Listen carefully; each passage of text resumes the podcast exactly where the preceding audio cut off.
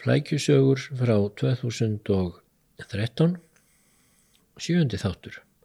Flottasta fjölskylda Rómaveldis og hennar hörmulegu örlög. Ég fór á sínum tíma að skoða glæsilega sigurför keisaræfnis í Róm árið 17 eftir Krist og komst að því að afleiðingar sigurfararinnar urðu viðtækari en ætla mætti. Þessi teksti byrtist fyrst í frettablaðinu 5. oktober 2013.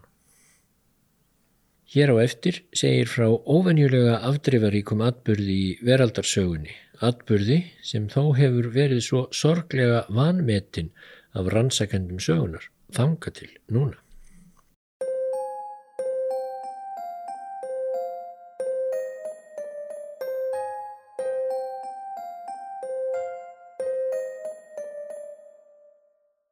Þann 27. mæ árið 17 eftir Krist stóð mikið til í Rómaborg. Fjölmennur herrflokkur sapnaðist saman utan við borgina í morgunsárið og herrmennir fæguðu vopn sín og verjur sem ákafast. Svo byggust þeir til innreiðarum borgarhliðin. Ekki var þó ætluninn að leggja borgina undir sig en það voru þeir allir trúir Rómar dátar. Nei, þeir voru að fara í skrúðgöngu. Það var mikið sjónarspil sem stóð fyrir dyrum. Hersauðingin Germanicus var að fara sigurför til að fagna sigri hans á óþjóðalíð langt og norður í löndum og dátarnir voru hermenn hans. Þeir höfðu fyllt honum diggilega í mörg ár og gegnum margar orðstur.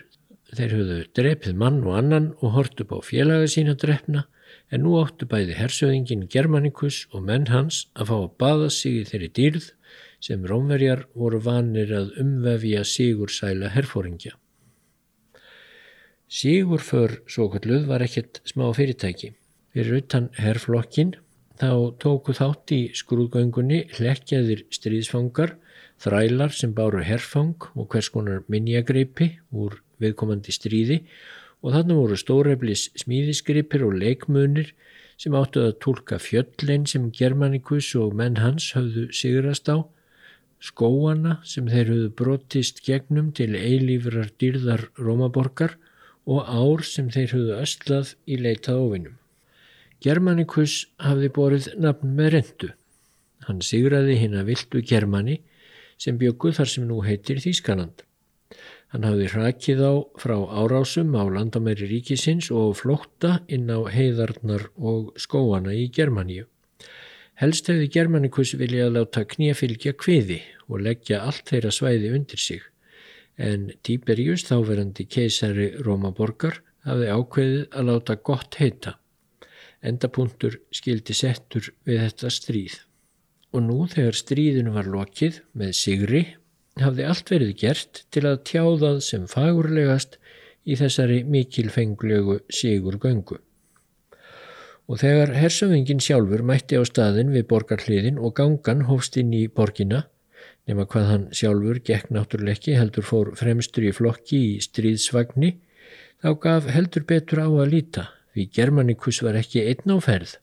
Ólíkt flestum hersöfingum í þessari stöðu hafði hann kosið að taka með sér konuna sína, hana Agrippínu. Og ekki bara konuna sína, heldur líka börnin sín fimm. Þannig stóðu í vagninum hjá fóreldurum sínum tveir státtnir piltar, tíu og ellif ára og sá þriði ekki nema fimm ára. Hann horfið kátur í kringum sig, vanur aðdáðan allt frá fæðingu en kannski svolítið óstyrkur.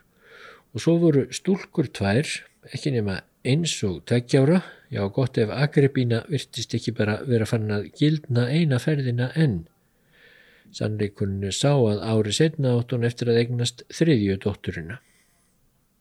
Einhver staðar skamt á eftir stríðsvagninum í skrúðgöngunni komi svo sískinni hersöðingjans, Livilla, sem var svo fögur að orðspor hennar hefur lifað í 2000 ár og litli bróðurinn Claudius sá klunni og kannski fábjáni, förðulegt að sömu foreldrar skildu hafa búið til svo ólíka sinni sem þennan idiot og svo hinn glæsta Germanicus. Eftir því sem Sigurförin fettaði sig gegnum útkverfi borgarinnar um leið og sólinn hækkað á lofti og gangan þokaðist sífælt nær miðborginni þar sem öll átt að ljúka með gríðarlegri aðtöfna á aðaltorkinu, fórum Rómanum, Þá færðust í aukana fagnaðalæti fólksins sem fylgdist með, enn einn sigur unnin, enn einn hersnýllingurinn snúin heim með herfang til dýrðar Rómaborg.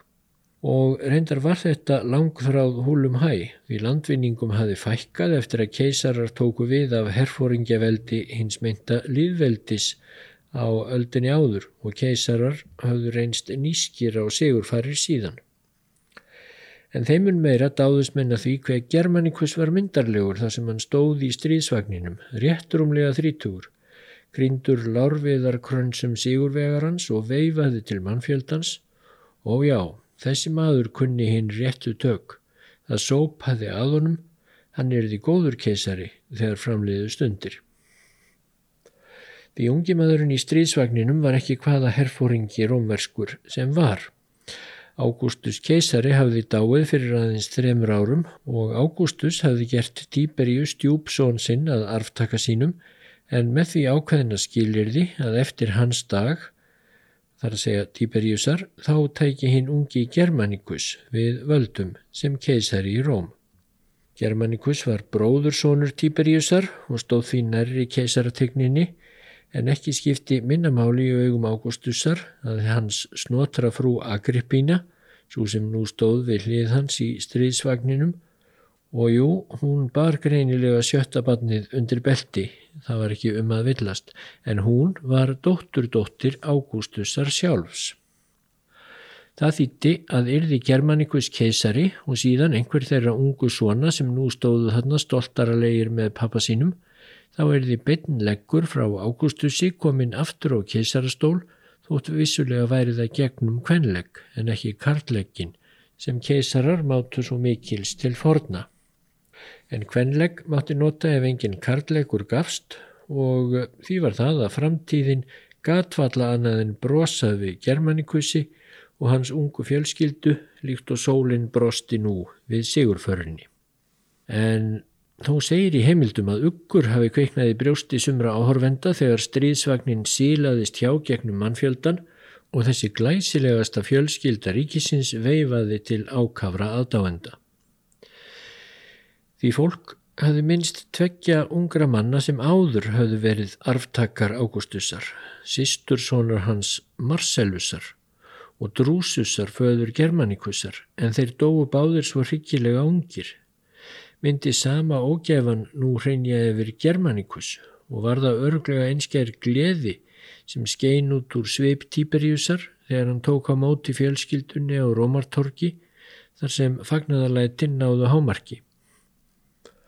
Einhver saðist hafa séð öfund í sveip hins tortrygna keisara Tíberíus þegar hann fyldist með aðdáuninni sem Germanikus nöyð. Svo mikið er víst að aldrei varð Germanikus keisari og allt þetta fallega fólk átti eftir að deyja sviplega og hræðilega.